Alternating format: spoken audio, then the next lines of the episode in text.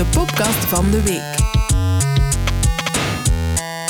Welkom bij de podcast van de week. Zonder Stijn van de Voorde, maar dus met mezelf, Thibaut Christiaanse, of je het nu leuk vindt of niet. Maar ik neem het over van Stijn omdat Stijn eh, in de bergen zit. Die heeft skivakantie.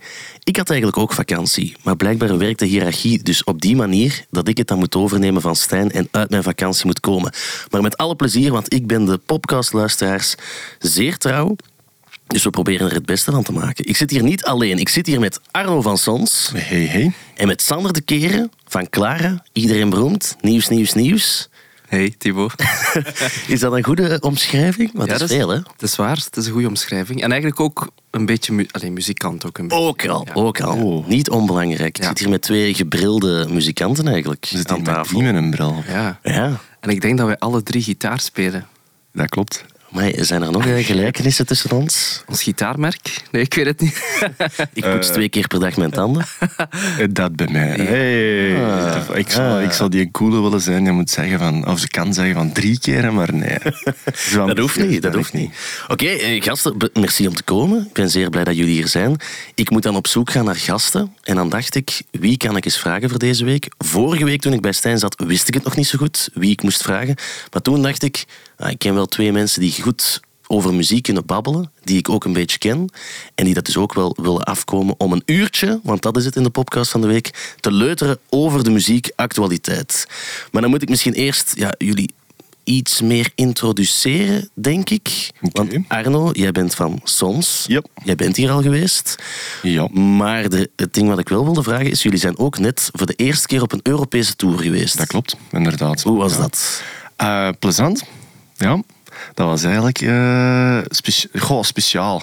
Eh, dat was al lang gepland. In 2020 waren wij eigenlijk de eerste keer al aan het plannen om eh, naar het buitenland te trekken. Maar door gekende redenen is uiteraard uitgesteld. Eh, dit jaar was het dan effectief eh, aan ons om te doen. Eh, we zijn begonnen in Frankrijk. We hebben daarna nog in Zwitserland, Nederland, Duitsland. En we zijn eh, geëindigd met ene show in Athene, in Griekenland. Dat zag ik dus ook. Dat was wat de vreemde eend in de ja, dat klopt. Ja, dat was eigenlijk tof. Eh, via een organisatie die ons gecontacteerd had. eh, van gasten die aan ons gecheckt hadden op Spotify. En die vonden dat graaf. En die vroegen van, ja, zie je wil er zitten om over te komen naar Athene voor een show te spelen in een club hier. Nice. En wij hebben daar eh, volmondig ja op gezegd, want dat was eigenlijk echt de max. De Grieken zijn denk ik de meest eh, moeten dat, verwelkomende mensen, gastvrije mensen die we tegengekomen zijn. Oké, en, en was de respons dan ook goed? Ja? Zijn Grieken een ander soort publiek? Ik vraag me dat gewoon aan af. Nee. Nee? Eigenlijk niet. Ja? Nee? Nee, ik vond dat toch niet. Ik vond dat niet anders. Ah Of niet mega veel anders. Ehm, die mensen die waren gigantisch gastvrij, omdat ik denk dat daar niet zo heel veel volk naartoe gaat.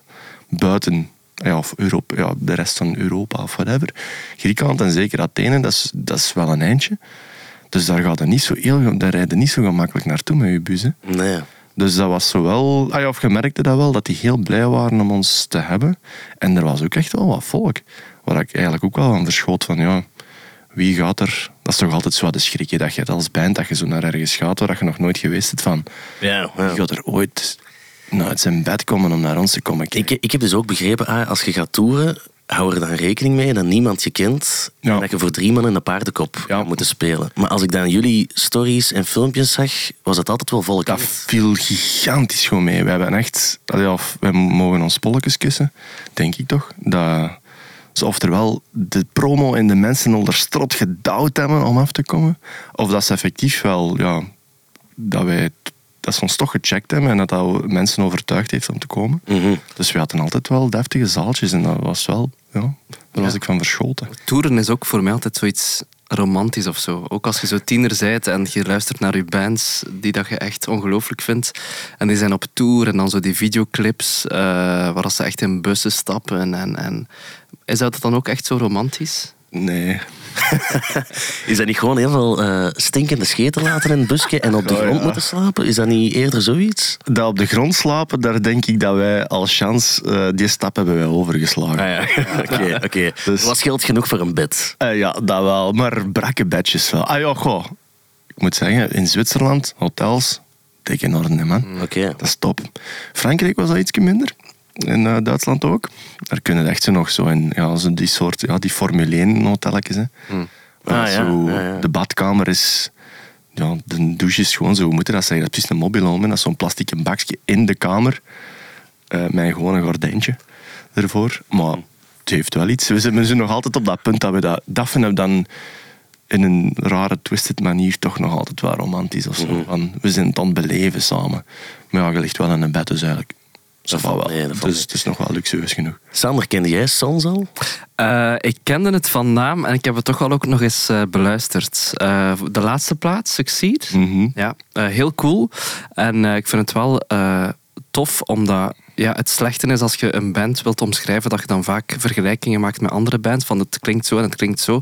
En soms is dat als muzikant ambetant dat ze die vergelijking maken. Begrijp, ja, Ehm, herken ik. Maar je gaat het nu toch doen, hè? maar ik vind, er zit ook wel iets in oh, dat echt wel eh, moeilijk is om te vergelijken met iets anders. Ik voel zo kleine ingrediënten of zo, maar ik kan niet zeggen dit is een, een kopie of, of, of een sterk beïnvloed door dit. Dus dat vind ik op zich al tof dat je zo die eigen klank hebt. Dank u. Ehm, ik vond heel cool het openingsnummer, Succeed. Ik weet niet of dat je het gaat begrijpen, Arno, maar ehm, het deed mij zo, ik weet niet, denken aan de Beastie Boys of zo. Want het is totaal geen hip-hop dat jullie maken. Het is echt zo stevige rock, maar zo super, koffe, eh, super eh, coole drumriff. Aha. En op een bepaald moment in het nummer is die drumriff alleen. Ja. Ik vond het echt zo wel wat hip-hop-stijl. En zo de, de zangstijl is, is, is zo, hoe moet ik het zeggen, heel kleurrijk, redelijk rechtdoor, maar toch heel kleurrijk met zo'n toffe uitspattingen. En soms kunnen de Beastie Boys dat zo ook doen. Zo, en daar zitten een paar nummers ook zo van jullie. Misschien een, ja, Hickey Underworld een beetje omdat, misschien omdat Ah, ik veel... oké. Ja. Maar ik, ik ken niet zo heel veel van eh, Mhm. hedendaagse zware rock. Is het zware rock eigenlijk? Dat gaat een Thibaut meer kunnen eh, beoordelen dan Het ik. is, het is hevig, hè? Maar Ik heb de mannen natuurlijk ook al heel veel live gezien. Het is wel ehm straf en toebak of zo. Mij doet het, vooral de laatste plaat ook, misschien nog meer dan de eerste, heel veel idols-achtige, van Mhm. UK post-punk-achtige toestanden. Daar hoor ik er ook wel in. Oké, ja. Vind ik zeer goed. Zijn invloeden, sowieso. Ja, ja. Dat is inderdaad een, wat je zegt. Goh, horen we dat niet? Ah, ja, of ja, dat is moeilijk om. Want dat is het eerste, dat doe ik ook, hè, dat je naar iemand anders zijn plaat luistert. Je zoekt precies een referentiekader in je hoofd van waar, waar lijkt het op.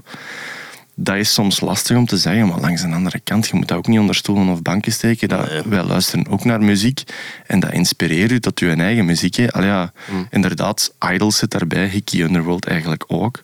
Eh, de Beastie Boys, dat is de eerste keer dat ik dat hoor. Allee, eigenlijk Hickey Underworld ook, zo, want daar vergelijken ze ons meestal niet mee. Maar dat is wel een invloed geweest. Mhm. Ja. Eh, Beastie Boys luisteren we wel naar. maar niet in een, eh in een sons-manier of zo, denk ik. Ja, ja, maar ja. dat vind ik wel een toffe. Ja. Vind ik- Maar qua, qua stijl of qua flow en zo, de Hickey Underworld heeft- heeft ook zoiets iets rechtdoor. Aha. En dat hebben jullie ook wel. Ja, Ja, ja, rechtdoor, dat is inderdaad zo nogal ons handelsmerk eh, na die twee platen. Ja, Ja. Maar ja, Arno, je hebt hier meteen door. Je hebt te maken met een radiomaker. Hè? Ja, dat is duidelijk. Jij werkt voor Clara. Ja. Maar dit wordt eigenlijk in de podcast van de week jouw outing als... Eh, ja, pop. pop.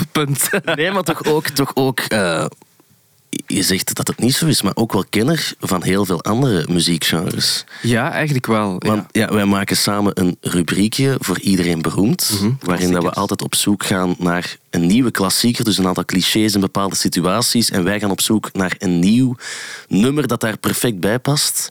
Eh, en jij kiest dan altijd iets uit de klassieke wereld, want ja, de Clara. Ik doe dat dan met poprock, maar het valt mij heel hard op dat jij heel veel van die dingen die ik dan voorstel al kent, of er altijd mee bent. Dus daarom dacht ik, ik moet Sander de Keren ook uitnodigen. Ik vind dat wel echt heel tof, Thibaut. Want ik, ik heb inderdaad wel ook iets met zo ehm, rockmuziek. Zeker als tiener was ik echt wel... Ik speelde ook gitaar.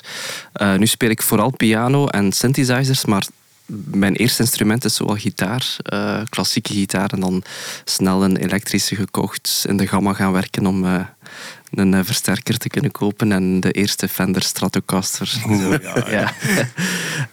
Nee, maar ik, ja, ik, ik heb heel veel naar rock geluisterd. Soms ook nog steeds. Ik bedoel, inderdaad, nu is het zo wel klassiek dat... ik moet zeggen, als ik eh, de eerste keer uh, toen ik klassiek hoorde, echt als zo intense ervaring, dat was toen ik 16 was. Uh, ik had een heel goede leerkracht esthetica. En dat was voor mij echt een, een nieuwe wereld die openging qua energie, qua klanken, instrumenten, duur, idee achter muziek of zo. Um, maar ook zo de rock en zelfs zo ja, metal en goede popsongs, dat heeft ook wel echt zijn waarde op zich. En kan dat enorm appreciëren. Zo, hoe dat een melodie wordt opgebouwd, dat vind ik eigenlijk het, het strafst van al. Hoe dat goede hits zo simpele, maar zo goede melodieën hebben en hoe dat, het dan ondersteund wordt. En de klank ook van opnames. Ehm, ja, ik, ik, ja, ik heb ook veel zelf gitaar gespeeld. Uh, veel naar uh, ja, harde rock geluisterd, zo Metallica en al. Ah, wel, ja, ik wou net zeggen, ze zeggen toch dat metal dat dat ook heel veel gelijkenissen heeft met klassieke muziek? Ja, ja. Um, de harde metal, uh, zoals Slayer of zo, dat spreekt me echt niet aan. Dat, dat, is, dat, komt nog wel. Ja. ja, je moet daarin groeien. Ja, ja, ik weet het niet. Het is, dat is misschien te, te hard of te veel. Um, maar zo inderdaad, qua akkoordenstructuren zit er in metal wel interessant materiaal, ook ritmisch. Uh, soms verschillende ritmes boven elkaar. Zo, de drummer speelt dan in die maatsoort, gitarist speelt daarboven. Dus dat is gewoon interessante muziek. Um, en ook, ik zat vroeger in een rockband. Ik schreef ook zelf nummers en ik, ik zong of ik probeerde te zingen. En dan was mijn stem altijd kapot op het einde van de repetitie. Ook omdat de PA veel te zwak was voor boven de gitaren. Um, en de drummer was echt wel een gigantische metal-fan. En uh, die speelde altijd, als we zo twee minuten pauze namen, begon hij altijd zo zijn dubbele baskick te gebruiken. En, en de, de gitarist, uh, Junior heette die, uh, die had ook een gigantische metalgitaar. Maar wij maakten wel zo van die ehm, melancholische pop zo, ik was grote fan ook van Kings of Leon. Ik weet niet of dat... dus zo Metallica, Kings of Leon, zo die dingen uh, door elkaar. Uh, dus ik heb zeker iets met uh, popmuziek. Ook mijn vader luistert heel veel naar ja, zo 80s muziek. met veel synths, Depeche Mode en Fisher Zeta, wat is dat allemaal. Mm -hmm. dus, ja. Maar je zei wel metal. Arno, heb jij een band met metalmuziek of zwaardere gitaren? En dan voelen de Stubru-luisteraars al naar waar ik zo meteen ga babbelen. Maar heb jij een link met zware gitaren? Uh, dat is met periodes. Maar ik denk dat, ik heb dat persoonlijk met veel. Maar metal, ja, dan uh, Metallica, de eerste platen.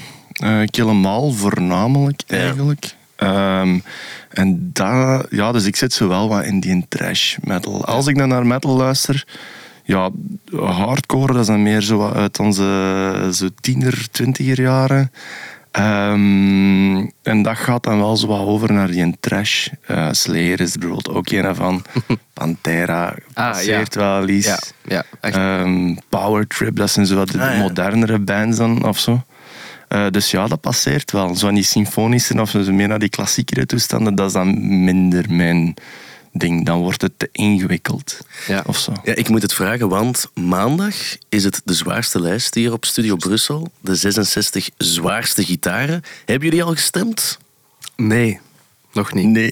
Ik ook nog niet. Ik ook nog niet. Dat is slechte reclame, maar nu maken we goede reclame door te zeggen ah ja, wij gaan zo meteen alle drie stemmen. Maar wat zit er zo in de top drie volgens jullie als je nu zou moeten stemmen? Um, wel, ik heb daar eens over nagedacht en uh, ik vind wel Brutus vind ik top. Toen ik dat voor het eerst hoorde, uh, ik vond dat ja, ja, die, die drumster Stefanie, hoe dat ze zingt en gewoon die staan daar met drie. En ik heb ze nog nooit live gehoord. Oh. Uh, altijd uitverkocht of te laat met tickets. Dus dat is wel iets wat voor mij in de top drie staat. Uh, ik weet nog niet waar, maar War vind ik een heel goed nummer. Dat is ook een iets recenter nummer. Mm -hmm. uh, vind ik gewoon heel knap, heel schoon eh, heel schone intro. Ze zingt ook super breekbaar, maar ook heel hard. Maar ook heel, heel, ik denk dat dat een heel moeilijke take was. Omdat ze zo ook continu switcht tussen haar, haar borststem en haar kopstem. En dat is zo fragiel en dat is, dat is zo goed. En dan barst dat helemaal los. En op het einde komt dan dat, dat begin terug. Dus dat is echt goed over nagedacht. Um, ook de nummer 1 van vorig jaar trouwens. Is het echt? Ja, All Along ah, ja, nummer stond op 1 vorig jaar. Ah, oké. Ja. Dus dat wist je niet? Nee. Nou, dan is het een mooie keuze toch? Ik dacht Master of Puppets van Metallica. Dat heeft bijna altijd op één gestaan, denk ik. Of toch altijd in de top drie. Ik denk dat er maar een paar keer, ja, een paar gevallen zijn geweest dat het anders was. En dan was het denk ik Black van Channel Zero. denk ik, dat ooit eens op één heeft gestaan. Black Fuel. Black Fuel. Ja, Black Fuel, sorry. En dan All Along van eh, Brutus, vorig jaar. Ja. Was dat niet de eerste keer dat ze vorig jaar op... Ah ja, of ik Ja, het vloeken ja, ja, zijn, sowieso, sowieso. Dus dat was wel een big deal, hè? Dat was Ja. toen zeer big deal. Ja. Ja? Ja, ik heb dat ook nogal. Als, als ik dan stem eh, voor van die lijsten, ben ik ook nogal een chauvinist en dan ga ik voor de Belgen. Dat is met de zwaarste lijst of met de afrekening of zo ook. Ja, die mannen van Ramstein, die weten dat niet. Hè, dat je daarvoor, die trekken al er dan niet aan dat je daarvoor stemt. Hè.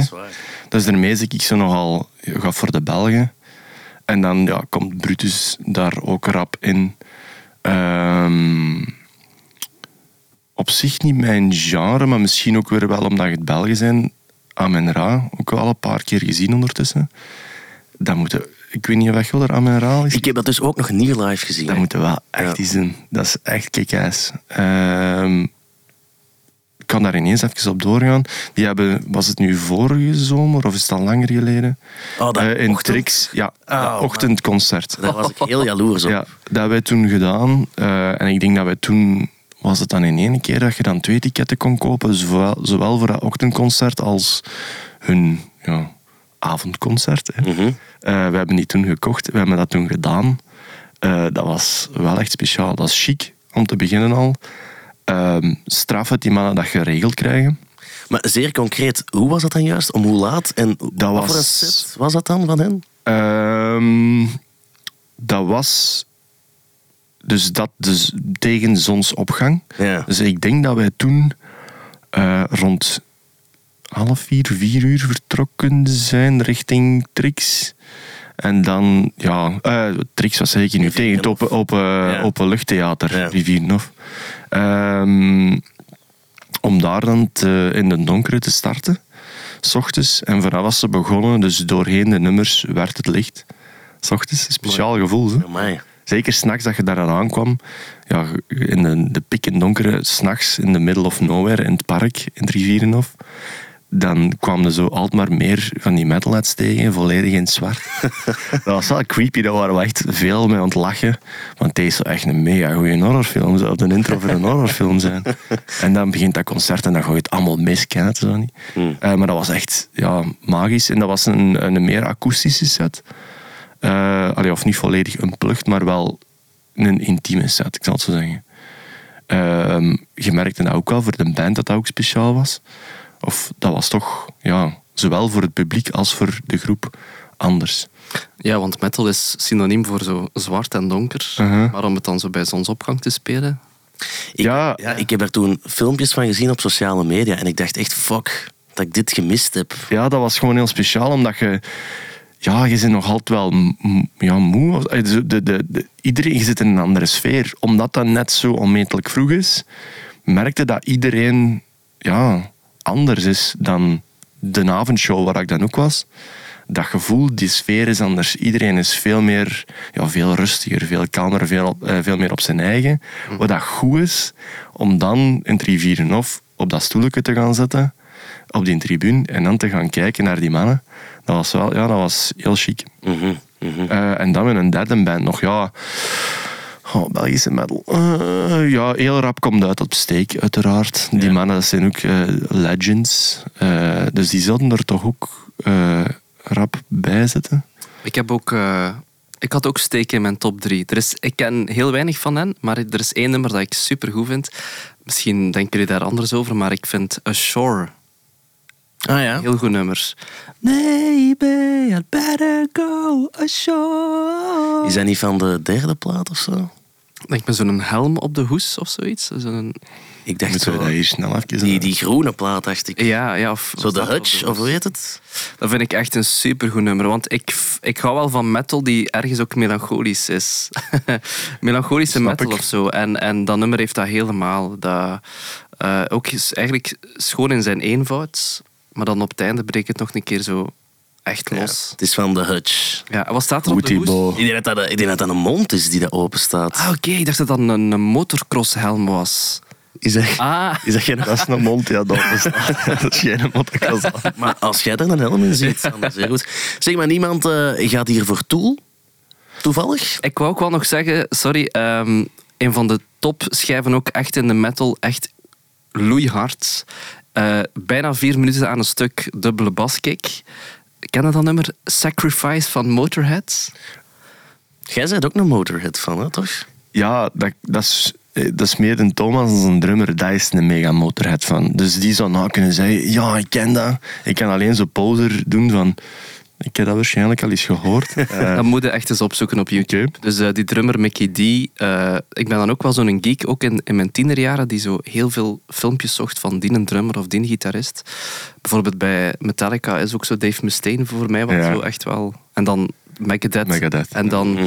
de beste gitarist daar bij Megadeth was dan Marty Friedman, die de gitaarsolo speelde van Tornado of Souls. Ja, de- allee, als gitarist toen was ik daar enorm mee bezig met zo'n solo's. Ehm, maar eh, Sacrifice van Motorhead, dat is echt gewoon vier minuten aan een stuk. Dukke, dukke, dukke, dukke, dukke, dukke, dukke, dukke. En dan is ah, dat is fantastisch. Ja, dat is echt kippenvel van hoe houdt hij het vol. En ja, hij weet natuurlijk ook wel dat het cool is. Dat Mickey D is echt wel zo'n drummer van zie mij gaan, zie mij gaan. Maar dat is echt ook een heel goed nummer.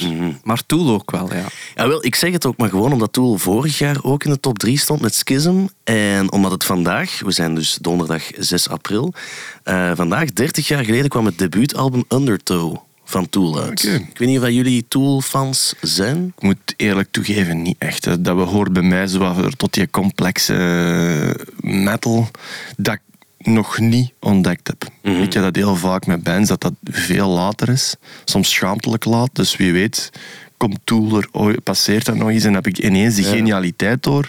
Maar bij mij is hem nog niet gevallen. Ik moet wel zeggen, ik heb ooit eh, een podcast opgenomen. eh Thank You Boomer, reeksje dat ik hier gemaakt heb. En ik heb er ene opgenomen, dus ook met Roos van Akker, die grote fan is van Tool. En dan dacht ik eerst ook van, oh man, dit is veel te moeilijk. En zo de rij van Fibonacci, dat dan Ja, ja, ja. In, de, in de riffs of in de patronen. En ik dacht van, oh man, deze is echt niet mijn shit. Maar ik heb dan heel veel research gedaan, heel veel geluisterd. En nu denk ik echt, doe me. Dat zit toch graaf in elkaar. Ja, ja, ja. Om, sowieso, hè, dat is fucking vet. Hè. Alleen heb ik het nog niet leren appreciëren. Ah, wel, zo, ah, maar ja. de, de complexie, ah ja, of hoe dat ze het doen en zo. Ja, ik snap waarom dat die band zo gigantisch groot is. Uiteraard, Schism, je kunt niet ontkennen, dat is een mega dikke plaat. Hè. Sowieso. Dus ja, het feit dat Tool zo gigantisch groot is, ik snap het. Maar ik, bij mij hebben ze nog niet direct kunnen overtuigen. Ah ja, of ja, ik luister daar niet naar direct in mijn vrije tijd. Ik zet dat niet op. Jij wel, hè, Sander? ja. Ja. Dus ik denk dat ik naar Slayer moet beginnen luisteren. Ja, dan zal ik naar Tool Het beginnen. is hier een ruildeal. Nee, toen heb ik leren kennen ook eh, ja, als ik ja, 18 was of zo, door de drummer van ons, ons groepje toen. Ehm, en ik was echt overdonderd door inderdaad... Allee, ja, dat wiskundige, net door dat wiskundige. Eh, ook inderdaad die rij van Fibonacci en het eh, nummer Laterality. Ja, ja. Ehm, en dan ook opnieuw eh, YouTube-films beginnen opzoeken, video's van Danny Carey, de drummer. En Mhm. ik ben nog maar een, drie keer of zo in mijn leven naar het Sportpaleis geweest, maar één keer daarvan was, ik denk vorig jaar, toen Tool kwam. Dat wou, dat wou ik echt zien. Ik had dat nog nooit gezien. Zo grote bands zoals Metallica ook nog nooit gezien. Ik, eh, als ze in Brussel speelde, denk ik twee zomers geleden. Ja, ik woonde daar echt eh, tien minuten van. En ik hoorde dat toen ook eh, op de radio. Ik dacht van, kom aan, ik ben niet geweest. Dus ik dacht van, nu moet ik wel echt gaan naar zo'n band die ik echt goed ken. Ja, ik vind, die, ik vind die echt heel interessant. Allee, ze hebben wel natuurlijk een soort van systeem dat ze heel vaak toepassen of zo. Ook de, de, de sound van, van de bassist is zo... Ja, dat vind ik ook fantastisch, zodat hij echt zijn klank heeft gevonden. En ook tijdens de lockdown verscheen er plots een, een nieuw nummer van Tool eh, met een drumcam op YouTube. Ah ja. Die Numa. Numa. Ja, dat was eigenlijk een soort van teaser van de nieuwe plaat, denk ik. Ik wist, denk niet dat die al uit was toen. Ehm, dat was ook een video door Vic Firth, dat, dat drummerk, die drumstokken. En wow, ik heb dat echt zonder overdrijven. Hè. Ja, ik zat binnen met mijn vriendin. Ik heb dat denk ik 30 keer bekeken. Dus wat beter te doen dan 30 keer naar een drumvideo. En ik, ik bleef daar nieuwe dingen in zien. En dat is wel interessant, want als je dat dan ook analyseert, zijn patronen, dan lijkt dat heel random wat hij doet. Maar dan ook zo het begin eh, speelt hij precies op zo'n soort van eh, een sample waarop dat hij slaat. En dat is dan het geluid van zo'n een, een Indiaanse tabla, zo toet, toet. Ach, En dat zit zo goed in elkaar. En ja, ook zo polyritmiek, zo verschillende ritmes over elkaar. Ja, ja, ja. Maar dat doe jij ook met je eigen muziek, hè, toch? Ja, ik, ik schrijf zelf... eh, ja, ritme vind ik super interessant, omdat ik schrijf zelf ehm, ja, klassieke muziek, eh, repetitieve klassieke muziek of repetitieve minimal music. Eh, maar als grote voorbeelden Philip Glass, die kent je misschien wel. Die naam heb ik ondertussen al zo vaak gehoord uit uw mond. Philip Glass, Philip Glass. Ja, ja, dat is echt wel eh, een van mijn grote eh, allee, helden. Steve Fry is ook zo iemand. Ja, misschien kennen jullie Wim Mertens, die ook wel heel Een naam, ja. Ja, die heeft ook wel veel repetitieve Belgische componist. Ehm, dus inderdaad, zo ritmes boven elkaar, dat is ook wel iets wat ik heel interessant vind. Zo vier tegen drie of, of eh, in de piano, je linkerhand speelt bijvoorbeeld een patroon van vier noten en, je, en uw rechterhand speelt een patroon van vijf noten. En dat is super interessant hoe dat, het dan uit elkaar gaat en terug samenkomt.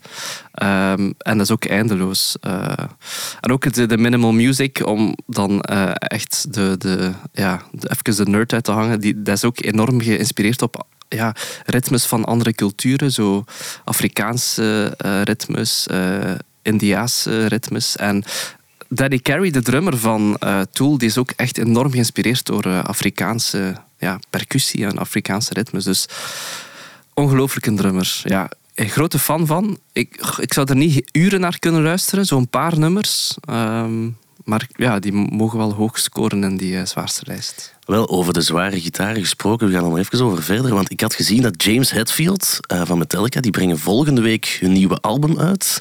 Eh, maar James Hetfield brengt ook een koffieboek uit. Messengers, The Guitars of James Hetfield. Dus eigenlijk een soort van boek met foto's en verhalen van zijn gitaarcollectie. Ja, dat is iets voor mij. Ah wel, ik wou net vragen, iets voor jullie? Ja, man.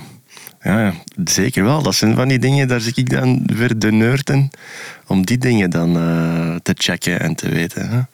Dat zou, ja, dat, dat, daar wil ik wel eens in bladeren, wat die gast allemaal thuis liggen. Of ja, in zijn opslagplaatsen, denk ik, ondertussen. Ja, ja. liggen heb. Ik kan nog een, eh, een Guitar Geek weetje eh bovenhalen dat deze week eh, over Metallica eh, deze week uitgekomen is. De nieuwe limited edition eh, Flying V uit de jaren 70 van eh, Kirk Hammett is gerereleased door de Gibson Custom Shop. en die kan voor een lekkere 16.000 euro van u zijn. Oh, 16, maar- hè? Ja, ze hebben zo een, een beperkte oplage van negen. Echt zo compleet hetzelfde. Dus met elke kras, elke ja, whatever dat erop zit. hè. Dus dat is eigenlijk een versleten gitaar dat je koopt, brand new. Die ze dus echt versleten gemaakt hebben. Dat is nu een ding in gitaarlandschap. Eh, en nu kun je dus de exacte kopie van de Kirk Hammett eh, Flying V, waar dat hij eh, de Master of Puppets en de Black Album en zo mee opgenomen heeft, kun je dus nu kopen voor eh, 16.000 euro. Zou je het doen? Ja. Nee, man. Jij, Thibaut? Nee, nee. Maar stel, ze is voor, laten we zeggen, 8000 euro te koop. Nee. Ook niet? Nee. Nee. 5000? nee. Flying V in het algemeen, is dat een ding? Ik heb een. Ja. Heb je een Flying V? Dus ja, dat is een ding, Timo. Ja, ik, ik weet dus, ik vraag me altijd af, Flying V, hoe maakt je dat terug cool? Want er was één iemand dat het, naar mijn weten, cool deed met een Flying V, en dat was Jay Retards. Ah ja. Die hadden dan zo Flying V gitaar, Flying V basgitaar, en, Ah ja, ja. en dat klopte ergens zo hard niet, waardoor dat het wel weer heel hard klopte. ja. Maar ik heb u nog nooit op een Flying V zien spelen. Nee, dat is mijn tweede gitaar. Ja. Dus, En, en van waar dan toch de keuze om de Flying V? eh, ik wil hier nu Ehm, niet... eh, goh. Ja, dan gaan we ook weer wat in het, meer het nerdlandschap van gitaren. Ehm, op het nummer Succeed dat wij spelen, speel ik heel hoog op de nek. En die gitaar waar ik normaal gezien op speel, die heeft die reach, of daar kan ik heel gemakkelijk aan. En mijn huidige tweede gitaar was een Les Paul. En dat, is, dat gaat totaal niet. Vanaf dat je boven de vijftiende fret of zo zit, dan wordt dat moeilijk en dan moet je je handgreep veranderen. Dus ik was echt op zoek naar eh, een gitaar waar ik dat wel bij kon. Ehm, en dan kwam ik uit, ja, lang aan het zoeken, veel aan het nerden, zoals ik ben. En eh, een winkel in Antwerpen, de Guitar Bar, shout-out, eh, die hadden een Flying V. En op een gegeven moment, ik- stapte daar binnen en ik was met Walter, de verkoper, aan het... eh, ja, Walter Broes. ja, Walter Ja. Broes, hè, legendary gitaar. Gitarist, ook van de Seed Sniffers trouwens. Kunnen we ook een shout-out naar doen, naar de Seed Sniffers. Oké. Ehm, en ik pakte die vast en dat ging wel. En die speelde geweldig tof. Eigenlijk, hè, want dat ziet er de meest ongemakkelijke gitaar uit. Ja, ik dat heb er er nog nooit op gespeeld, dus ik mag er misschien ook niet zo eh, voor ingenomen over. Ah ja, dan moeten die maar eens, als het nog eens uitkomt, dat we op een show samen zijn, eh, Mhm. dan moeten die maar eens vastpakken. Dat is eigenlijk mega nice. Ja, dat speelt eigenlijk echt wel. Dat is anders. Dat zit- ligt anders, of dat hangt anders rond je schouder of zo. Maar dat is kei comfortabel. Dus ja, ik ben wel eh, team Flying V. Ja. Oké. Ja, over eh, comfortabel gesproken, ik snap niet hoe laag James Hetfield zijn gitaar hangt. Allee, dat is echt niet normaal. Ja, dat is toch echt aan- niet praktisch, Dat is toch aan zijn knieën? Die heeft dan zo'n bepaalde... Ja, maar die bukt ook zo die gast wat door zijn knieën, dat hij echt zo op zijn been ligt. hè. Dat is Ja. wel zijn stijl. Hè, zo. Ja, ja, ja. ja. Zo dat chuggen, voor dat dempen en zo, is dat, kan ik dat snappen dat dat ergens nog wel comfortabel is. Ja, ik vind, vind het ongelooflijk. Ik vind het ook niet altijd de mooiste gitaar. Hij heeft zo'n... Een, een, eh, wat is dat? Eh, Ja, je speelt veel op zo van die ESP, Explorer, eh, zo eigenlijk Gibson Explorer type gitaren, maar dan door het, van het merk eh, ESP. maar Zo'n hele draak op zijn... Ah ja, ja, ja, hij deed ook zo niet speciaal. Ja, ja, klopt. Ja, ja Ook al wat Flying V's zie ik hier Ja. nu als, eh, als ik naar afbeeldingen ga kijken. Maar het, het zotte is, als ik eh, aan James Hetfield denk, trouwens, eh, link met klassieke muziek, eh, Symphony en Metallica. Dus die, die twee platen die ze hebben gemaakt met de San Francisco Symphony Orchestra. Eh, toen heb ik die dvd gekocht. Eh, ik had zo'n paar maten in de klas, ik was toen 12 jaar of zo, naar gekeken. En dat was ook wel echt fantastisch om te zien. Ja, zo'n symfonisch orkest. En San Francisco Symphony Orchestra is echt wel een van de, de betere orkesten uit Amerika. Eh, en ze hebben dat dan een paar jaar geleden opnieuw gedaan eh, in San Francisco, zo SNM 2. Dus van, misschien, ik ga niet zeggen dat Metallica me naar klassieke muziek heeft doen luisteren, maar eh, ik vond het wel interessant dat ze daar iets mee deden. Ehm, en daar speelt hij denk ik ook op zo... Ja, wat wou ik zeggen? James Hetfield, als ik aan hem denk, denk ik altijd aan diezelfde gitaar. Dus zo'n boek met al zijn gitaar, ik zou eigenlijk niet weten op wat dat hij nog speelt. Les Paul, heel veel. Ah, ja. Maar dat is dan ook weer van ESP. Ja, Die wordt daardoor, of die keivel van die artist modellen ja. van ESP. En dat zijn dan heel vaak Les Paul-achtige modellen. Mhm. Dan moet, en ja, Explorers, dat ik echt fotografisch moet nadenken. Flying V's, dus Gibson en dan later ESP. Ja. ja. Mensen van de podcast zijn nu echt aan het denken, Ja, wat de fuck sorry, man. nerden. Maar ik, ik, moet, ik moest er wel aan denken, Arno. Ik heb eh, vorige week telefoon gekregen van een journalist die naar aanleiding van Ramkot, die de Mhm. pre-show mogen doen voor Metallica in Amsterdam, eh, was er een journalist die een stuk schreef over eh, Belgische bands die leuke voorprogramma's hebben mogen doen. En ze belde Mhm. mij dan voor Jack White. En ik weet dus van onze manager, de Krikke, ja. dat jij een beetje jaloers was op het gesprek dat wij gehad hadden Ja. met Jack White. Omdat Jack White naar de muziekinstrumenten vroeg. ja. Maar jullie hebben een ander soort gesprek gehad, zei die journalist ook. Iets over de McDonald's. Eh, ja, dat klopt. Ja, ik was dus inderdaad... eh, Want, want, want misschien even kaderen. Wij hebben het voorprogramma mogen doen in eh Vorst Nationaal, maar jullie hebben het twee keer gedaan in Ja, Duitsland. ja. ene keer in Leipzig en dan ene keer in Berlijn. Ehm, en wij hadden elkaar, ik denk ik, de eerste keer gesproken op Shock Festival. Denk ik dat ik me dat goed kan herinneren. En dan weet ik dat ik inderdaad gigantisch jaloers was. omdat jij en de, de Pieter Gilder hebt gesproken met Jack White over haar materiaal. En daar was ik dus echt al over, want ik wist dat hij ook een gigantische nerd was. Ja, ik ben dan ook zo'n nerd die dat dan allemaal checkt. Dus ik weet ondertussen eh, wel welk materiaal dat hij speelt en zo. Dus ik had me echt al op die vraag voorbereid. Van ja, die gaf vragen stellen over mijn pedalen, over mijn gitaar, over whatever. Niks, hè, man. En dus met die mannen van Equal is dus wel. Daar was ik verschrikkelijk jaloers over. Het toppunt is ook dat wij eigenlijk... Wij, wij spelen op, op deftig materiaal, maar ik ben zo niet de gitaar-nerd of zo. Dat is nog erger eigenlijk. Maar als het dan goed klinkt, dan ben ik content. En ik heb ook wel wat, wat goede versterkers, maar eigenlijk niet echt de vintage spullen waar, die hij dan gewend is. Dus die vroeg dan ook zo aan ons: eh, What kind of drum kit do you play? En de Pieter zei zo: Ja, Gretsch. Ah, ja, ja, oké. En dan, eh, ja, broadcaster. En, zo, en die verstond dat dan ook allemaal niet, omdat er hele luide muziek op stond. En dan vroeg hem van, ja, which year? En dan zeiden we echt zo, 2019. dus dat was echt zo... Nu? Ja, dat was street cred pijlsnel naar beneden. Maar ik vroeg mij gewoon af, het gesprek Ja. ging dan over de McDonald's. Met Jack White. Ja, dus waar wij wel over gesproken hebben, is de... ja, de, de, de touristy dingen in Berlijn. Want tussen Leipzig en Berlijn, dus, tussen de Leipzig show en de Berlijn show hadden we een day off. Dus de dag op de Berlijn show stapte in ons kleedkamer binnen. En ja, we beginnen dan is van, ah ja, en wat vonden van Berlijn? Ah ja, chic. We zijn wat rond aan het lopen geweest. Ah, Checkpoint Charlie. En dan begonnen we eigenlijk alle twee te lachen. Dat hij ook zo van, hey, Checkpoint Charlie is echt wel een ding. Hè? En zo van, ja, maar naast Checkpoint Charlie is gewoon de McDonald's. Dat is wel wat weird, of niet? En wij hadden ook zoiets van, ja, wij hadden dat gevoel ook dat wij daar passeerden. Dat is toch niet meer zo authentieke oorlogdingen, man. zo Checkpoint Charlie en dan zo'n McDonald's naast. Met heel volk. Dus ja, we hebben het over de, uh, vooral over de McDonald's naast Checkpoint Charlie gehad eigenlijk. en een Brandenburg Tor met alle Starbucksen en zo naast.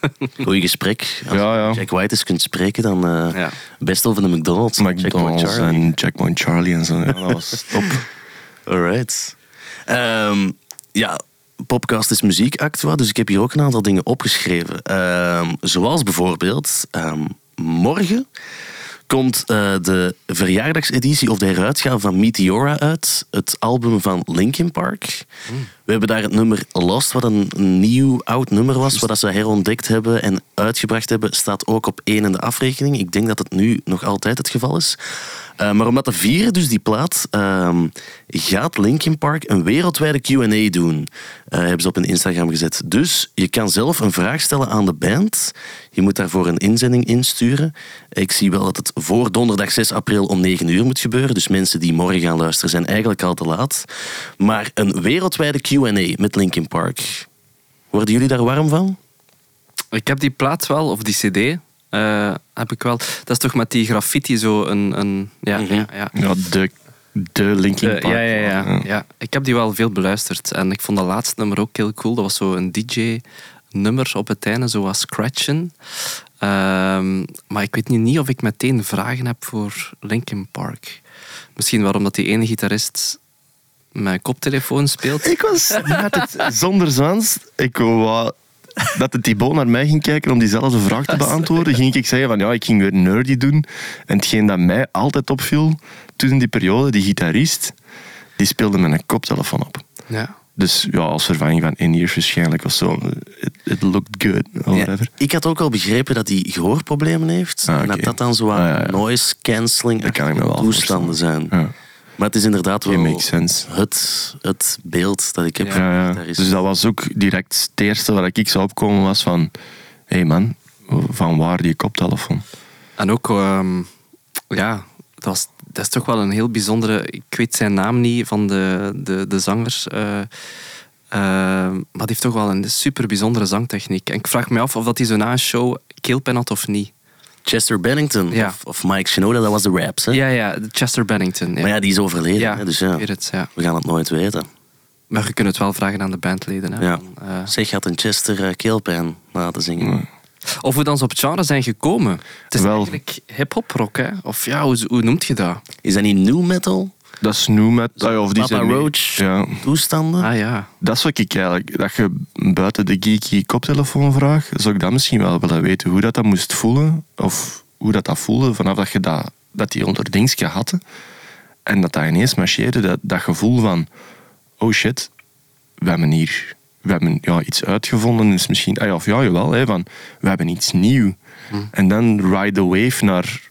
Ja, hoe gigantisch dat die uiteindelijk geworden zijn. Mhm. Hoe dat, dat gegaan is en hoe dat, dat voelde voor die mannen. Op die moment. Ja, ik moet nu ook wel zeggen, dat nummer Lost hebben we eh, heel veel gespeeld hier. En ze hebben dan zo nog een oud nieuw nummer, eh, waarvan de titel mij nu even ontgaat, maar ook van diezelfde periode. En ik heb daar dus gisteren nog eens naar geluisterd. En ik dacht echt, shit man, eigenlijk Linkin Park, ik vond dat bangelijk vroeger. En dat, dat blijft zo nog altijd recht staan of zo. Terwijl dat heel Nillies klinkt, Ja. in, in mijn beleving. Maar ik heb dat dan vroeger op de logeerkamer van mijn grootouders, speelde ik dat dan na. Dan hadden we Hybrid Theory, dan staken we dat in de cd-speler. En mijn broer was blond, dus dat moest Chester Bennington zijn met zijn geblondeerd haar. en ik moest de raps doen van Mike Shinoda. Dus dat is een soort van nostalgie, maar die nostalgie die leeft dan toch nog altijd bij heel veel andere mensen. Ik weet niet hoe grote fan dat jullie van Linkin Park waren of zijn. Ehm, dat was wel een van de cd's die ik eh, vaak oplegde. En zo ja, Paper Cuts, In The End. eh, Eh, dan later, zo, twee platen later of zo, vond ik het niet altijd even goed meer. Zo de latere Linkin Park, zo, ze hebben ja, ook zo een, een, een klimaatlied, vond ik wel nice. What I've Done. What Is dat ook niet van de Transformers eh, ja. soundtrack? ik denk het wel. Dat, Ja, dat, dat, ja. klinkt wel bekend in de oren. En zo Bleed It Out was ook zo'n dikke hit. Dat ken ik niet. I bleed it out, digging deeper just to throw it away. Ah, ja, ja, ja, ja. ja. Fighting Myself, zo heet het nummer. Heb ik gisteren dus ook eh, herontdekt, zal ik dat maar zeggen. Ook wel echt de moeite. En ook in the end, bijzondere videoclip. Ze staan er op zo'n soort van apocalyptisch... eh, In mijn beleving is dat echt zo die berg van de Lion King, waar dat hij dan op staat. ja, die staan precies... Zo'n rots. Ja, is dat een rots? Ik weet het niet. Ik weet het niet. Zo een, een apocalyptisch gebouw dat, dat overeind eh, is gebleven en zo... Ja, in the end, ik weet het niet. Het was zo, oké, cool, oké, het is niet echt, maar ik geloof het wel, of zo. Ja, ja, ja. ja. Ja. Ehm, nog deze week. Ehm Stromae die optredens geannuleerd heeft. Tot en met mei. Dus er zijn, er een, er zijn er een heleboel die nu eh, gecanceld heeft. En hij heeft zelf laten weten... Mijn gezondheid laat het momenteel niet toe om door te gaan met de tournee. Ik bots op mijn limieten en moet luisteren naar mijn lichaam. Zotte. Ja. Ja? Jammer, maar ook wel heel sterk dat hij dat doet. Ik denk dat heel veel muzikanten zullen doorgaan tot het gaatje en totdat je het echt niet meer kan. Mhm. Dus dan vind ik dat wel... Ja, je moet de ballen maar hebben ja, om alles af te blazen, hè. alles af te blazen. Want dat doet er niet zomaar. Nee, en dat zijn ook niet de kleinste. Nee, voilà. Dus dat is echt wel... Ja, ja, voor te beginnen, jammer dat hij ze sowieso moet afzeggen. hè, Want ja, ik denk dat iedereen en hij zelf liever zou hebben dat ze doorgaan. Hè, dat je die gewoon doet. Ehm, maar de communicatie daar rond en hoe dat hij dat zelf aanpakt, eh, is bewonderenswaardig. Hè? Hebben jullie Stromae al live gezien? Nee. Nee. Ik het dus ook niet, hè. Ik eh, heb al tickets voor juni? Werchter? Nee, eh hal 12 of hoe heet dat? dan? Paleis 12. Ja, Pa- Paleis 12. Ah, want daar heeft hij eigenlijk in maart heeft hij daar ook nog eh, meerdere keren gespeeld. Hè? En in juni is dat terug opnieuw. Ik denk het. Of zijn dat mijn tickets nu voor mij? Dat weet ik niet. Ik denk dat het in juni of juli is. Ja. Mhm. Ja, het is... Ja, hij staat ook op de affiche van Rock Werchter. Oké. Ik weet, vorig jaar op Werchter Boutique. Eh, en mijn lief was daar bijvoorbeeld. Die vond het geweldig, iconisch. Net zoals vele anderen. Dus ik dacht, ik zou hem deze zomer wel eindelijk eens graag aan het werk zien. Maar we hopen natuurlijk in eh, de goede omstandigheden en met de goede gezondheid. Ja. Eh, wat heb ik ook gezien? Eh, artiesten, popartiesten die meespelen in films en series. Ik zag bijvoorbeeld Dua Lipa, die gaat meespelen in de Barbie-film die komt. Margot Robbie en Ryan Gosling Ja. spelen daar de hoofdrollen in. En Dua Lipa speelt erin mee, dat wordt haar acteerdebuut. En daarnet heb ik ook gezien dat Lizzo meegespeeld heeft of een cameo had in The Mandalorian. Dus de Star Wars spin-off. Eh, Ah, ik heb die gezien, maar ik heb Lizzo niet gezien. ze speelt een soort van koningin eh, samen met Jack Black, die dan de koning speelt van een of andere planeet. Shit, dat zou ik eigenlijk echt wel moeten weten, want dat klinkt wel echt iets als dat heel duidelijk in beeld geweest is. Ja, ik heb het zelf dus ook niet gezien. Maar ehm, Barbie-film. ja, ah, wel, wat denken we daarvan? Artiesten die gaan acteren, wordt, eh, is al heel veel gebeurd natuurlijk. Hè, maar Maar een Barbie-film, bedoel... eh, ja, maar de cast, ja, ik weet, het klinkt heel weird, maar Margot Robbie en eh, Ryan Gosling, dan lijkt het mij wel ook effectief een goede film te worden of zo. Dan, Ja. Meer dan een Barbie-film. Jij bent geen voorstander, Sander. ik kan me er echt niks bij voorstellen, bij een Barbie-film. Ja, er is een trailer sinds deze week. Oké, ah ja, nog niet Ehm, ja, ik moest ook meteen denken aan Oh, nee, Lady Gaga. Ja. die zo A Star is Born heeft meegespeeld, maar nu dus ook in de nieuwe Joker-film Ja. eh, Harley Quinn gaat spelen. Ah, Oké. Ehm, ik kan mis zijn, hè. Ehm, want ik ken de band Eels niet heel goed. Maar zou het kunnen dat de zanger van Eels meespeelt in de Netflix-serie Love? Twee seizoenen, super goede serie. Mr. E, zo weet de zanger. Ja, eh, Moet ik dat hier eens eh, factchecken? Ja. Zeker doen. En dat is een hilarische serie van, denk ik, eh, drie of vier jaar geleden. Zo korte afleveringen, 15 minuten. Ehm, over iemand die script schrijft voor Hollywood en dan eh, verliefd wordt en eigenlijk een beetje zoekt in het leven wat hij wil. En dan onder andere hebben ze vrienden en denk eh, de man van dat bevriend koppel is gitarist en ik denk ook de, de zanger van Eels. En het is wel hilarisch, want hij speelt daar zo de man die niet kan stoppen s'avonds met zo zijn gitaar te nemen en zo eigen nummers te spelen en er echt vol lof over is. Is, is dit ehm, de cast? Love. Ja, inderdaad. Romcom. inderdaad ja. Ik zie eh Easy er wel niet eh, tussen staan. Louis, like. Love en dan gewoon Eels. Love Series en dan Eels. Ja, Dat is het enige is hier. Dat is het enige wat ik van Eels ken. Of ja, wat ik over hen weet. Nee, nooit naar gekeken. Eh, wacht, Nee, wacht, wacht, heb- ja, wacht, wacht, wacht, hier. Ehm Eels leader Mark Oliver Everett returns for third season of Love. Ah, dus klopt Ah, dus- ja, ja oké. dus, dus hij heeft er wel in meegespeeld dan. Ja, denk het wel. Ah ja, hier herken ik hem wel op de foto. Dat is hem toch, hè? Ja, in het midden, hè? Oké, ja. Oké, dat is totaal irrelevant voor mensen die nu aan het luisteren zijn, want ik kan geen foto's laten zien in een podcast. Ja, maar het gaat wel... klopt wel. Ja, Het klopt wel, het klopt wel. oef, ik kon iets, eh, kon iets bijdragen. Oef. Ja, ik dacht ook, Jack White heeft ooit eens meegespeeld in een film, Cold Mountain, met Jude Law en Nicole Kidman. Je moest ook denken aan Harry Styles in Don't Worry Darling. Ja, wel. Eh, ik denk dat Dunkirk. zodat de, de Ah, ja. bad rap dat de popsterren in de film vroeger hadden, dat is wel wat gedaan. Hè? Of het eerste wat ik aan moet denken, dat is Sting in de, du- in de, oude, in de 90 Ah ja, ja, de old Dune. Dune. Ja, ja. Eh, de David Lynch Dune, ja, dan hadden we wel zoiets van... Was dat Sting daar te doen of zo? Vond ik persoonlijk. Ja, hè. ja, ja, ja. Maar dat je nu inderdaad, ja, Harry Styles, eh, ja, Lady Gaga, met die Gucci-film, Ah, die al, haalt ja. ook echt gewoon die Gucci-film recht in man. Dat is niet... Ik vond dat niet de beste film, maar haar acteerprestatie maakt dat wel echt... Ja, zij is het eh, bijna ja, of het coolste personage van heel die film. Mhm. En Hebben jullie Daisy Jones and the Six? ik ben daar nu momenteel naar aan het Ja? kijken met mijn Ja? vriendin. Ja. En de moeite, want ik, ik vind heb hier wel. ja, op Stubru heel veel collega's die grote fan zijn. Eh Sandra, als je niet mee bent, Nee, het is dus sorry. een serie, Ja. een soort van verfilming van een boek dat een hele grote hit is geweest in de Verenigde Staten. En het is een soort van verhaal over een band waar dat dan geliefden in zitten. En het lijkt zeer hard geïnspireerd te zijn op Fleetwood Mac. Ja, het is een fictieversie van het Fleetwood Mac verhaal. Hè. Ah, ja, het, is, het is niet dat verhaal, maar ja, je hebt duidelijk de knipogen door de, de, de, band, ah, ja, de bandleden en de, de situaties waar ze in verzeild geraken. eh, geven inderdaad wel ja, veel weg van het Fleetwood Mac verhaal. denk ik. Dus eh, gescheiden zijn, maar toch nog samen moeten toeren. Is dat Fleetwood Mac-verhaal? Ja, ik denk vooral zo de romance tussen de leden af en Ja, toe. dat is nu eh, dat is zonder veel weg te geven bij Daisy Jones. eh, dat is zo wat de struggle is. Zo van Ja. De rom, al dan niet romances tussen de band en de struggling dat dat dan meebrengt om Ja. ja, te spelen en op te nemen en zo. Ja, ik heb, het er, ik heb er dus zelf nog niet naar kunnen kijken, maar ik weet hier op Stubru zijn er heel veel mensen wild van. Kirst Lemaire is wild van de muziek in de reeks. Eh Fien Germijns, met wie ik de ochtend mag doen, die is daar ook helemaal wild van. Eh, en het coole vind ik dan dat ik de muziek al wel beluisterd heb. Eh, en dat ik dat zeer goed gedaan vind. Omdat die acteurs dan ook hebben leren muziek spelen en, en vooral hebben leren zingen ook. Dus ik denk dat er nummers Let Me Down Easy of zoiets. Zo, een soort van titeltrack-achtig Dat is inderdaad zo wat het nummer waar ze mee groot worden, zo gezegd. En dat is een schijf, jongen. Oh, jongen. Dat vind ik echt zalig. Ja, het coole aan die... Want extra effect, ik heb gelezen... Ah ja, betrouwbare bron Instagram.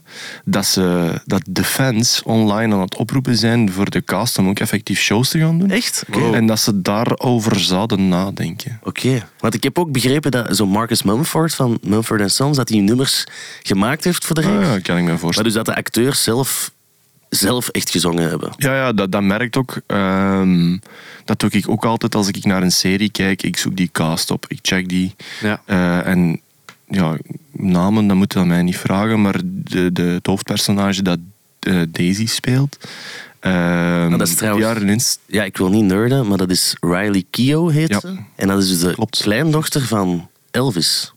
Oog. Ja? Oké. Oh. Dacht ik wel, dacht ik wel. Wacht, ik, moet dat, ik ga dat hier wel even, eh, even eh, checken. Maar in ieder geval, dus op die Instagram van haar eh, hebben ze filmpjes dat zij met ehm, Camilla, denk ik dat personage heet, dat die dus effectief aan het zingen zijn met gitaar. Dus je merkt wel dat die dat.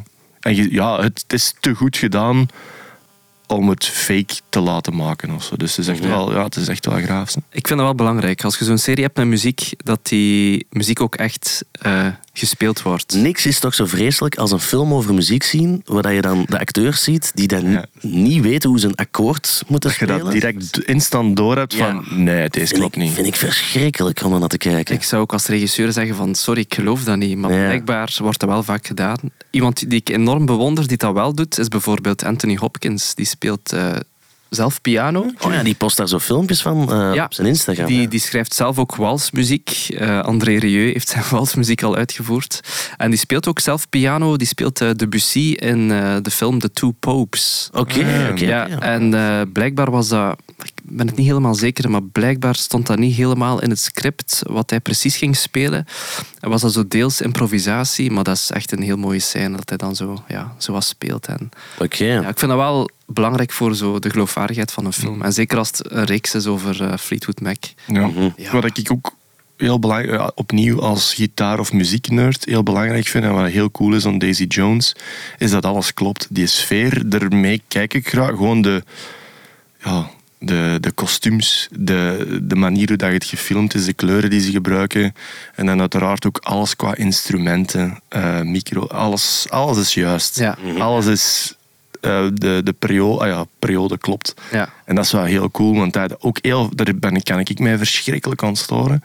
Is dat je zo'n een serie of een film waar je van uitgaat dat die gigantische budgetten hebben en die spelen dan op materiaal dat niet kan kloppen.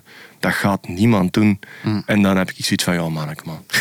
Ja, ja, ja. Dat, dat vind ik lastig. Ja. En dat is bij Daisy Jones. Ja, alles klopt zo in die Ja. serie. Je kijkt daarnaar en je hebt echt het gevoel van, ah ja, deze is real of zo. Ja. Dat is wel graaf. Trouwens, nog een tof weetje. Ik ben het niet helemaal zeker, maar denk het wel. Wie was het van Elvis? De... De kleindochter toch? Oké. Ja. Kijken jullie naar, of hebben jullie gekeken naar The Office? ja. Nee. Ja, daar speelt de... Amerikaanse of eh, UK? Ah, ehm, allebei, maar ik heb het nu over de Amerikaanse. Eh, daar speelt de dochter in mee van Quincy Jones. Echt? Ja, ja, in de, ik denk een derde seizoen of zo. Ja. Oké, wow, dat wist ik niet. En eh, ja, ik was toen een keer naar de cast aan het kijken. En eh, als ik het las, dacht ik, ah ja, natuurlijk. Want die lijkt echt ook op eh, Quincy Jones, de grote muzikant. ja, voilà. Ik, ik zie ook dat we niet superveel tijd meer hebben. Dus ik heb hier wel nog een aantal dingen opgeschreven. Mhm. Je mag reageren. Dan doen we dat eh, er toch nog bij. Eh, in de lijn van films, er is eh, de soundtrack van Guardians of the Galaxy volume 3 is eh, gelost. Films, superheldenfilms, waarvan Stijn van der Voorde zegt tekenfilms die jij leuk vindt, Thibaut. Maar het zijn wel echt leuke Marvel-films. Maar die Guardians of the Galaxy staat wel bekend voor goede soundtracks. Eh, ik weet niet of jullie daar eh, Ja. in thuis zijn, maar daar staat bijvoorbeeld Radiohead staat erop. eh, Flaming Lips, Fate No More, Alice Cooper, Beastie Boys, Florence and the Machine, Bruce Springsteen. Ik wil maar zeggen, dat gaat de moeite zijn. Ehm, op Netflix, dus we blijven ook weer in die filmsferen. Eh nieuwe docu van Louis Capaldi. Ik heb hem al zien passeren. Ik heb al een paar keer gedacht, ik ga erop klikken. Ehm, ja, het is interessant. Hoe noemt... ho- How I'm Feeling Now heet hij. Ja, ik ben ook wel getriggerd om te kijken Ja. naar Louis Capaldi. Ik vind dat crème van een gast. Eh, super funny, witty kerel. Eh, heeft dan ook wel Tourette, waar dat hij... ja, Tourette-syndroom, waar dat hij mee struggelt. En eh, hij had nu ook deze week ergens gezegd van het is reëel dat ik zou moeten stoppen met muziek door Tourette. Wat wel een jammere zaak zou zijn. Maar dus die docu zou gaan over hoe hij heel diep gezeten heeft en dan na corona terug, terug is gekomen met dan de tour die hij nu aan het doen is. Ehm, iets leuk dat ik gezien had. Taylor Swift. Ik weet niet of jullie mee zijn met Taylor Swift. Ze heeft zo die era Die gigantische tour. tour. Ja. Ja. En dus nu zou er een filmpje viraal gaan op TikTok. Waarin eh, duidelijk wordt dat Taylor Swift verstopt zit in een soort van janitor card. Dus een soort van ehm, ja, bak op wielen, waar dat dan de dweilen en de bezems in steken. En die wordt op het podium gerold, of tot naast het podium. En dan doet er een security kerel het deurtje open. En daar komt Taylor Swift in vol kostuum uit. Om eigenlijk al de paparazzi te, te vermijden. Wow. Oké. Dat is dus nu echt... Ik heb het gezien en het ziet er zo lullig uit. Ik zou ook niet weten waarom dat je in zo'n ding moet gaan zitten. Maar het is dus blijkbaar niet de eerste keer dat ze het doet. Ze is ooit ook al aan het podium afgezet in een gigakoffer. En Harry Styles die zou dat bijvoorbeeld ook al eens gedaan hebben door zich in een flight case te verstoppen. Ik kan me dat voorstellen. Ja. Ja. Maar dan wel met zo'n kramp aan uw show beginnen. Ja, het ding is dus ook, die, die janitor card, zal ik dat maar zeggen, is zo groot dat het ongeloofwaardig lijkt. Ja. Er bestaan niet zo'n grote bustelstelen, denk ik dan. En die stapt daar ook recht staan, stap je eruit. Dus die, Oh. ja. Het is, Ah, het is oké. speciaal. Het is Als je heel grote zalen moet poetsen, hè, Thibaut? Ja, dat is ook waar. Het wel grotere zaal als dat jij gewoon, ah, wij gewoon zijn. Sorry. Ik her, herneem Nee, nee, het is- mijn woorden. het is duidelijk. Dat Ja. wij eh, gewoon zijn. Eh, ja, ik kan dat mij voorstellen dat die dat moeten doen. Ah, ja, dat nu niet meer in een janitor card, want nu weet iedereen dat. Ja, Ehm, ik denk dat dat verschrikkelijk lastig is om zo te leven. dat wel, hè. Dat je niks kunt doen, hè, man. Niks, hè. Mhm. Ja, of, ja. Ofwel huurt je een lookalike in, die dan super random rondloopt, dat iedereen daar naartoe loopt en dat jij dan als echte ster op je gemakske. Maar nee, mensen gaan dat Nee, doen. mensen hebben dat door. Ehm, Sander, dat is er eentje voor jou. Eh, Sakamoto, De grote Ryuichi Sakamoto, gestorven. gestorven. Japans. Japanse componist. Ja, gestorven op zijn 71. Eh, enorme, eh, interessante man. Ehm, heeft in de jaren 70 een, eh, een heel cool eh popbandje, synth-popbandje gehad. Yellow Magic Orchestra. Dat heb ik dus opgezocht, want ik zag het dus op heel veel mensen hun tijdlijn of Instagram passeren. Ja. Dat die man overleden was, maar ik kende hem dus niet, moet ik toegeven. Ik denk zijn bekendste, is, eh, zijn bekendste pianostukje is eh, Happy Birthday Mr. Lawrence. is een oorlogsfilm uit de jaren 80. Ehm, en hij heeft ook de muziek geschreven voor The Revenant. Ah. Ja, Ik had het ook opgezocht. Ja, heel, Sakamoto is echt iemand van alle markten thuis. In het begin in de jaren 70, 80 maakte hij heel veel synthmuziek. Ehm, maar hij is... Ja, zijn pianomuziek is, staat zo op zichzelf, doet mij soms wel denken aan zo Debussy of Stravinsky. En voor mij persoonlijk ook een enorme inspiratiebron. Ik heb eh, in januari 2021 heb ik mijn EP'tje uitgebracht. Eh, Primitive Structures heet dat. Staat ook op Spotify. En eh één... Goeie, goeie, Even goeie erin. promo. Dat moest ik even zeggen. En ehm, daar staat er ook wel een nummer dat echt wel geïnspireerd is op eh, Sakamoto. Die heeft een heel eigen stijl ontwikkeld, vind ik. Die zo wringt eh, in zijn pianomuziek dan, maar ook heel lyrisch is. Heel, heel helder op een manier. Ook zit een ja, Japans minimalisme in. eh, een soort van eh, eenvoud en, en wel overwogen. eh, super interessante man. eh, veel te vroeg gestorven. Eh, ja, groot verlies, Sakamoto. Dus voor alle podcast-luisteraars misschien ook wel de moeite om eens op te zoeken. Zeker. Ja, hij heeft eh, dit jaar, nog begin dit jaar, heeft hij, eh, of eind vorig jaar, heeft hij ook nog een nieuwe plaat uitgebracht. Ik denk dat die plaat 12 heet, met daarop 12 pianostukjes. Hij neemt heel veel op zelf in zijn eh, muziekstudio in New York. Eh, op YouTube bijvoorbeeld super mooie video's, super mooie teasers voor zijn album. Ja, het is super interessant om hem bezig te zien in de studio. Aan zijn piano, met belletjes, met oude synths die hij waarschijnlijk nog heeft van toen in de jaren 70 en 80. Ehm, ja, ongelooflijk inspirerend. En toen dat hij gestorven is, toen ik het nieuws vernam, ben ik meteen naar zijn muziek beginnen luisteren en zo zelf aan de piano gekropen en zo in de Sakamoto-stijl eh, gespeeld. En ik besefte ook van, wow, die man heeft zo'n eigen... Hij was van alle markten thuis, maar hij heeft zo'n eigen stijl ontwikkeld. Dus mensen moeten hem echt wel ontdekken. Dus als mensen naar Sakamoto geluisterd hebben, daarna Primitive Structures van Sander de Keer ook op Spotify te vinden. En natuurlijk eh, de platen van Sons. Ehm, En van eh, Equal Idiot. En van Equal Idiots. Zeer kort nog, eh, ik heb naar Liefde voor Muziek gekeken deze week. Ah. Waarin dus bekende artiesten elkaar gaan coveren op een leuke trip in Spanje deze keer. Ehm, en ik heb daar Stef Bos verliefd van K3 zien coveren. Ehm, en dan ook Daan, de grote Daan die de drie biggetjes covert. Dat was het meest opmerkelijke, denk ik. Wel echt de moeite. Ja, het was echt goed, Ik eigenlijk. denk, Daan is voor mij wel echt de reden om deze liefde voor muziek eh, dit seizoen toch wel eens eh, nauwlettend te bekijken. Ja, ik moet eerlijk zijn dat ik het ook maar gecheckt heb toen dat je zei ah dat we aan het overlopen waren van ja, wat kunnen we doen. Ehm, dus ik heb ook stukjes gekeken of alleen de, de covers eh, bekeken. En die van Daan dat was er wel mot op. Inderdaad, Goed, hè? speciaal. Wat was eigenlijk echt wel goed. Ik heb het nog niet gehoord. Is het in het Nederlands of in het Engels? Nee, hij doet het in het Engels wel. Welcome, welcome. Ja, maar Ja. Echt, echt cool wel, hoe dat hij doet. Ik heb ook een zekere Jaap Reesema, ik ken hem nog niet. Oma's aan de top zien coveren, verschrikkelijk. dus dat zie je dan ook wel in eh, Liefde voor Muziek. Ehm, Wat, wat zouden jullie coveren? Met, met Sans of met Equal Idiots? Maar ik zou het wel cool vinden als je zoiets als K3 kunt coveren. Ja. Dat repertoire is zo huge en daar zitten zo'n ja, goede songs tussen. Zo 10.000 luchtballonnen of zo. Ja, ik zag ook, eh, het was dan Gunter Neefs, die ook mee in dit seizoen zit. En die had dan ehm, eh, Waterval van K3 Ah, ja. gecoverd. Maar die had er dan zo'n soort van crooner Ook goed, hè, man. versie van gemaakt. En dat vond ik dan ook wel... Maar die nummers, Daan zei het ook, hè, die nummers zijn niet kapot te krijgen. Die zijn zo goed op zich. Goede nummers eigenlijk. hè. Ja, ik denk, liefde voor muziek, als je met de goede, eh, de goede gasten of... of Ja. ja. zou jullie het ook doen met Sons? Goh, ik, ik- toen ik aan het kijken was, dacht ik van... We zijn hier niet goed genoeg voor... Om dat direct om te vormen. Ja, Of daar zou ik gewoon... Afhankelijk van welke gasten eh, dat je hebt. eh, ik zou het in ieder geval wel interessant vinden en wel willen proberen.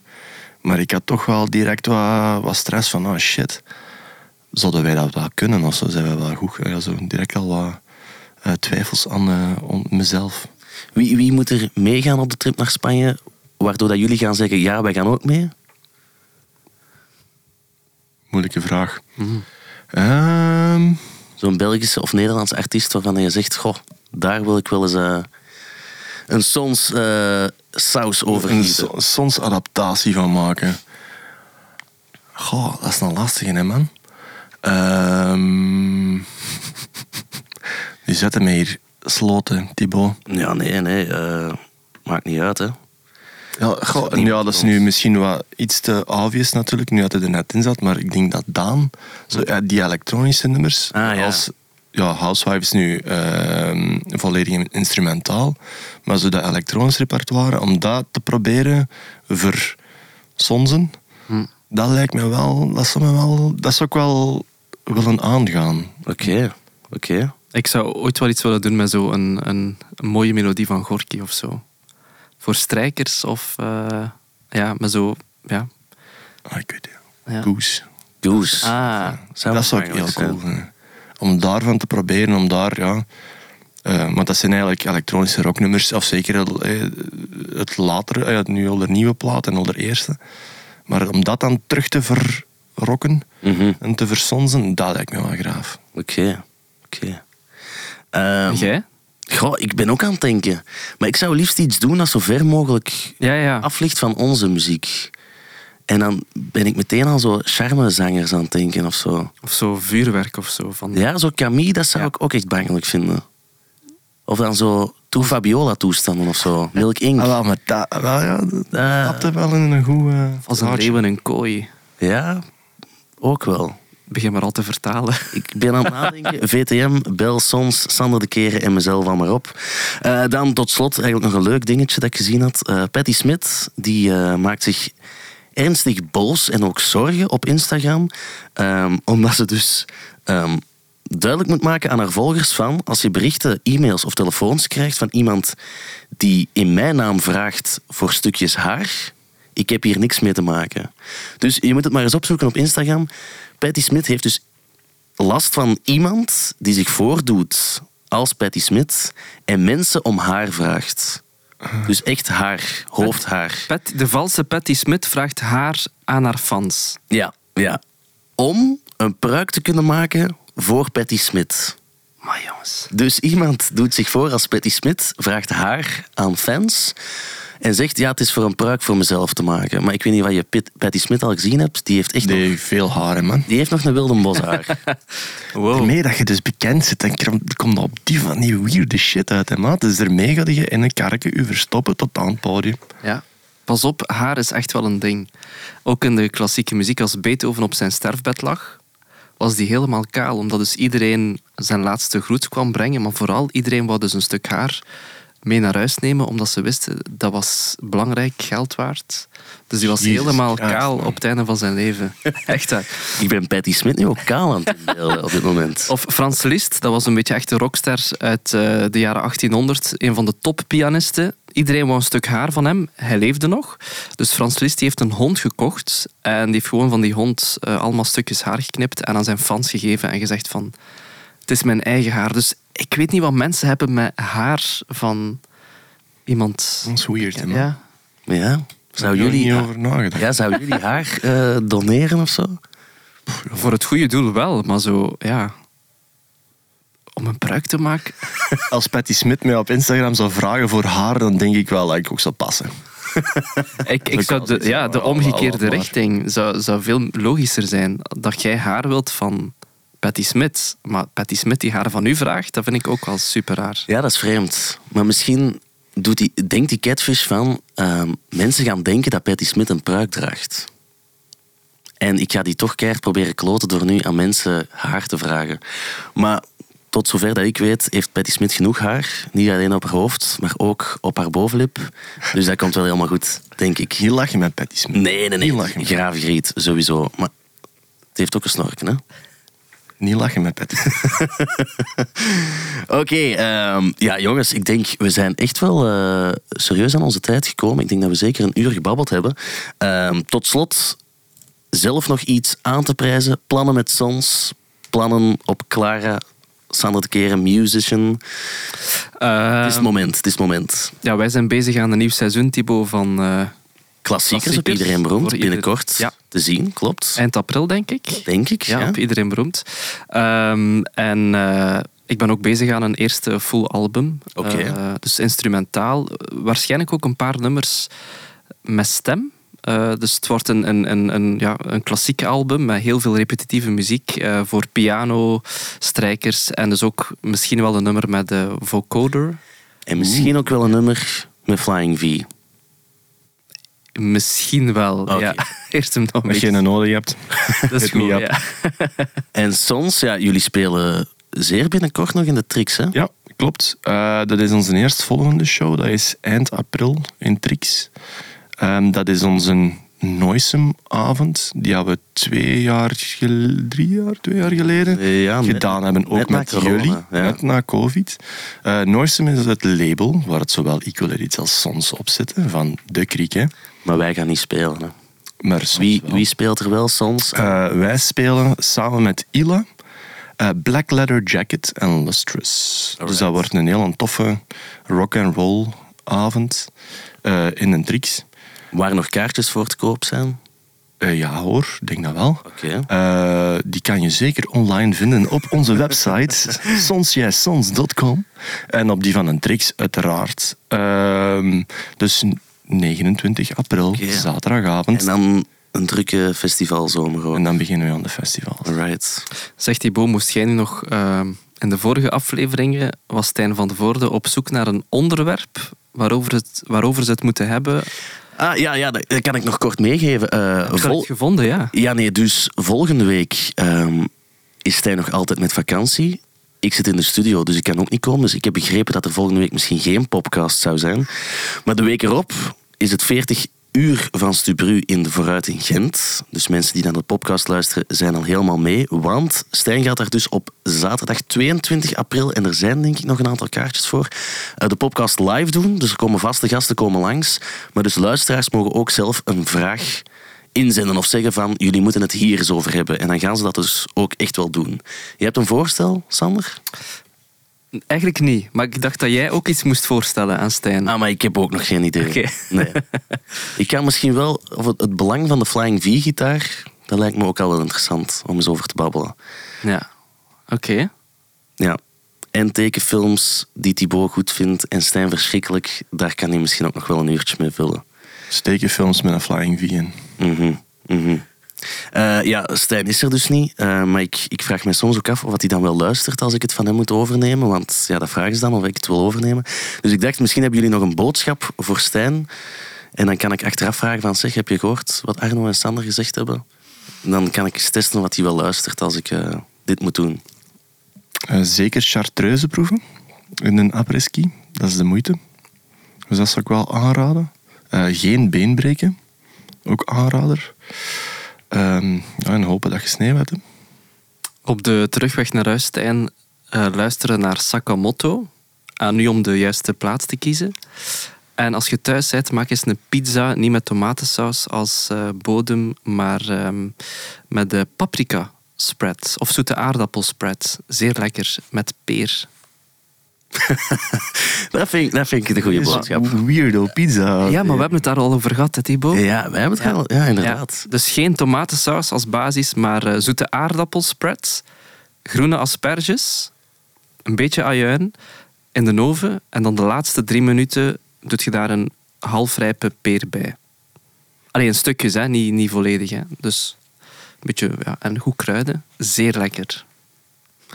Ik heb nu al meteen de quote gekozen die ik nu eh, op de radio ga kunnen laten horen als we reclame maken voor de podcast van de week. Dat was de perfecte quote. Peer op pizza. Ja, Arno van Sons, heel erg bedankt. En Sander de Keren van Clara, ondertussen dus ook eh rock lovertje. Heel erg bedankt om te komen. En dus, ik denk voor de luisteraars van de podcast, niet tot volgende week, maar de week daarop. En opnieuw met Stijn van de Voorde. Dank u voor het luisteren. De podcast van de week.